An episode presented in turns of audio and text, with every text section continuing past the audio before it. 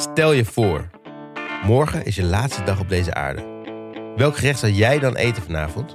Een chic sterrendiner of toch de lasagne van je moeder? Ik ben Samuel Levy. Ik ben worstmaker en chef. In het laatste avondmaal nodig ik culinaire vrienden bij mij thuis uit en koken we samen hun favoriete gerecht. Die fish pie is eigenlijk meer iets wat ik maak als ik een beetje uit balans ben of een beetje verdrietig ben. Ja. Het is een soort therapeutisch eh, gerecht. Tijdens het koken vraag ik ze het schort van het lijf. Want in de keuken kook je niet alleen de mooiste gerechten, het is ook de perfecte plek voor goede gesprekken. Wat willen mijn vrienden eigenlijk als laatste avondmaal eten en waarom? In de eerste aflevering leert chefkok Jean Bennington mij een English pudding maken en vertelt ze hoe ze troost vindt in dit gerecht.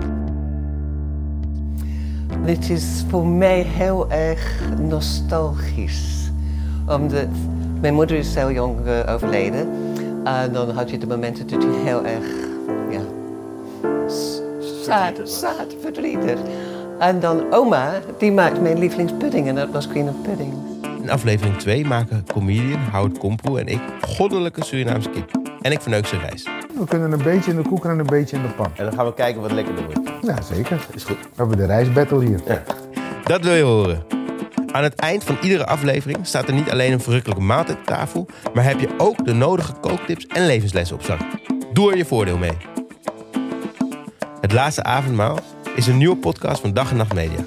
Beluister hem nu via Spotify, Apple Podcasts of op dagennacht.nl. Mm, je bent geslaagd. Ik mag brood. you can die. You can die now, go.